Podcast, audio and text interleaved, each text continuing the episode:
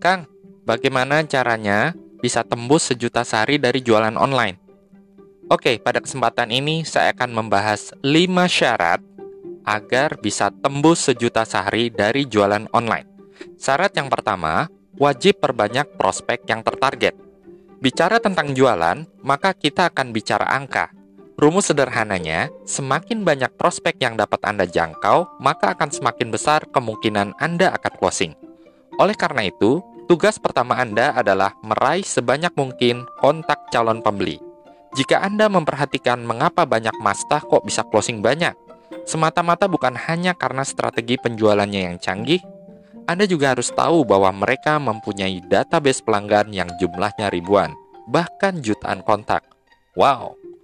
Tentunya database itu tidak serta-merta mereka dapatkan begitu aja semua itu merupakan hasil dari konsisten rutin membangun kolam prospek selama beberapa tahun lamanya.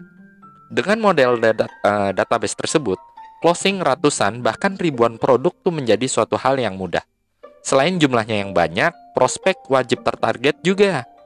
Walaupun Anda punya ribuan prospek, kalau database Anda isinya anak muda semua, sedangkan Anda menjual produk properti, ya nggak akan nyambung.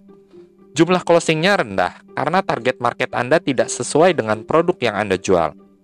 Meskipun produk Anda menarik, namun bila target marketnya tidak sesuai, maka mereka tidak akan beli atau bahkan mereka tidak beli karena tidak mampu beli. Itu syarat pertama. Syarat yang kedua, wajib gencar promo yang efektif. Bagaimana calon pelanggan bisa tahu produk yang dijual jika Anda nggak memberitahukannya? Promosi adalah salah satu kegiatan yang wajib dilakukan jika Anda mau tembus sejuta dalam sehari. Oh iya, satu yang wajib dicatat adalah kegiatan promosi bukan melulu bicara tentang sebar iklan untuk jualan gitu ya. Membangun personal branding, mulai sharing untuk awareness, membuat produk teaser, dan menginformasikan manfaat pun termasuk kegiatan promosi. Oleh karena itu, Anda wajib menyiapkan semuanya yang ujungnya untuk mempromosikan produk yang Anda jual. Personal branding dapat dibangun dengan sharing-sharing dan berinteraksi tentang hal yang berhubungan dengan produk Anda. Anda juga bisa memberikan informasi secara bertahap tentang produk Anda, mulai dari masalah yang bisa diselesaikan, manfaat apa saja yang bisa diberikan, visualisasi produknya, rencana promosinya, membuat waiting list, hingga akhirnya baru Anda informasikan harganya. Wajib Anda ingat bahwa copywriting yang bagus tidak fokus pada produk, tapi fokus kepada market alias pengguna produknya. Maka yang perlu Anda tonjolkan di headline dan paragraf pertama dalam copywriting adalah tentang value produk atau nilai tambah produk Anda. Syarat yang ketiga, wajib jual multi produk yang high demand. Jumlah produk sudah banyak, promosi sudah gencar, copywriting sudah bagus, akan tetapi bila produknya tidak high demand, maka semuanya akan percuma. High demand di sini maksudnya adalah produk yang Anda jual adalah produk yang banyak diminati atau dibutuhkan oleh banyak orang. Dalam bisnis online, Anda mungkin saja menjual produk yang kurang diminati, tapi biasanya bisnis seperti itu tidak akan berlangsung dalam waktu yang lama. Apa pun akan eh, Anda pun nantinya akan kesulitan mendapatkan repeat order. Saran saya, pilihlah produk-produk kebutuhan primer seperti pakaian, eh, seperti makanan, pakaian, ya, pendidikan, kesehatan, properti dan lain-lain untuk Anda jual. Anda juga bisa memilih produk yang memiliki banyak manfaat, kelebihan, atau khasiat yang lebih baik dibandingkan produk yang sudah ada di pasaran.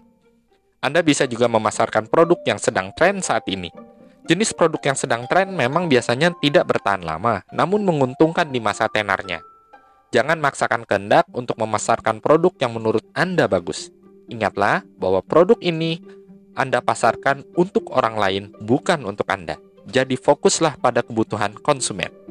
Berikutnya, untuk meraih sejuta sehari Anda tidak bisa mengandalkan hanya satu pipa penghasilan saja. Usahakan Anda harus memiliki lebih dari satu produk untuk dijual.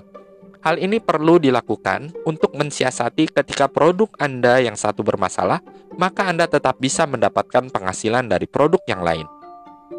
Ibaratnya jangan menaruh semua telur di keranjang yang sama, yang kalau jatuh, kita masih punya telur di keranjang yang lain.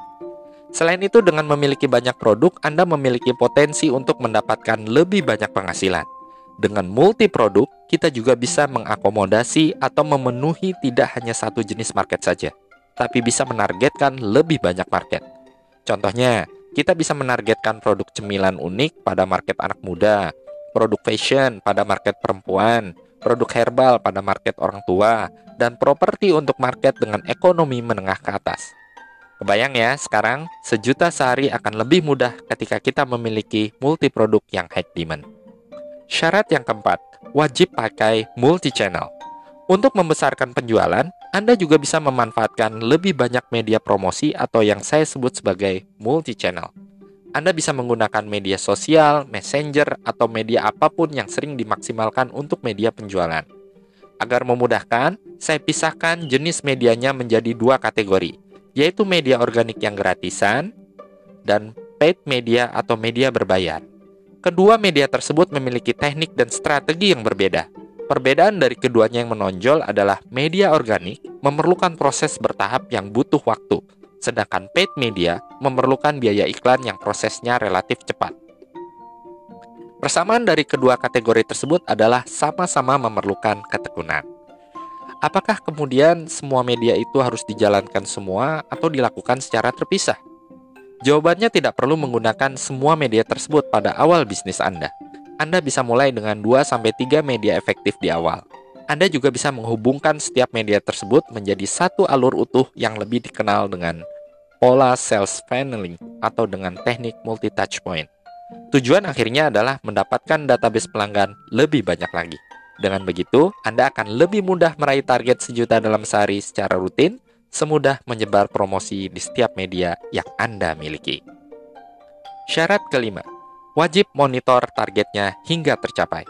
Syarat terakhir adalah monitor target yang harus Anda capai. Hal ini wajib dilakukan untuk memastikan apakah target Anda telah tercapai, yaitu sejuta sehari. Ingat ya, selalu prinsip ini: kaku terhadap target dan fleksibel terhadap cara. Setelah kita menentukan target, maka setialah pada target tersebut. Jangan berubah seiring waktu, hal yang boleh berubah hanya strateginya. Sayangnya, terkadang target dibuat hanya sebatas tulisan saja yang dilupakan seiring waktu. Oleh karena itu, wajib bagi Anda untuk membuat memonitor target secara rutin. Target yang sudah dibuat harus Anda pecah menjadi target-target kecil yang dapat Anda lakukan untuk mencapai target besar. Target kecil ini menjadi acuan untuk menentukan kegiatan jualan Anda setiap hari. Setelah itu, Anda wajib melakukan apa yang sudah ditentukan setiap hari sampai target tersebut tercapai. Jika target atau kegiatan yang sudah ditentukan tidak dilakukan, Anda bisa menggunakan hadiah atau hukum. Hukuman untuk memotivasi Anda mengerjakan plan yang sudah dibuat. Dengan begitu, Anda akan semakin bersemangat untuk meraih target karena hadiah yang akan diterima atau takut kena hukuman jika tidak tercapai. Itulah 5 syarat yang harus kita lakukan. Terakhir, ada syarat tambahan nih. Jangan baper. Yes, itu dia. Syarat ini menurut saya sangat penting ditambahkan untuk melengkapi semua syarat di atas karena untuk menambahkan prospek, mengencarkan promosi, menambahkan produk, menggunakan banyak channel, dan monitor target memerlukan banyak tenaga. Jadi Anda sebagai pebisnis wajib kuat alias jangan baper. Untuk menambahkan produk, Anda harus percaya diri dalam membangun kolam-kolam prospek. Jika Anda baper, merasa tidak percaya diri yang terjadi adalah kolam Anda tak akan pernah terbentuk apalagi penuh. Terlebih jika nanti Anda sudah mulai mengirimkan promosi produk di berbagai channel yang Anda bangun tadi. Selain ada potensi closing, Anda juga harus siap untuk ditolak, dicemooh, atau minimal diacuhkan. Kalau Anda tidak siap lantas jadi baper lalu stop promo, ya tidak akan ada penjualan yang terjadi. Alhasil, bisnis Anda tidak menghasilkan. Saran saya untuk tidak baper adalah memahami kembali esensi berjualan. Ingat ini, jualan adalah kegiatan berbagi manfaat dan menolong orang lain dan dibayar. Berjualan berarti berbagi manfaat melalui produk yang Anda berikan kepada banyak orang yang membutuhkan. Berjualan juga bermakna memberikan solusi untuk menolong mereka yang memiliki masalah. Jadi ketika ada yang menolak manfaatnya atau enggan ditolong masalahnya, Anda tidak perlu baper lagi.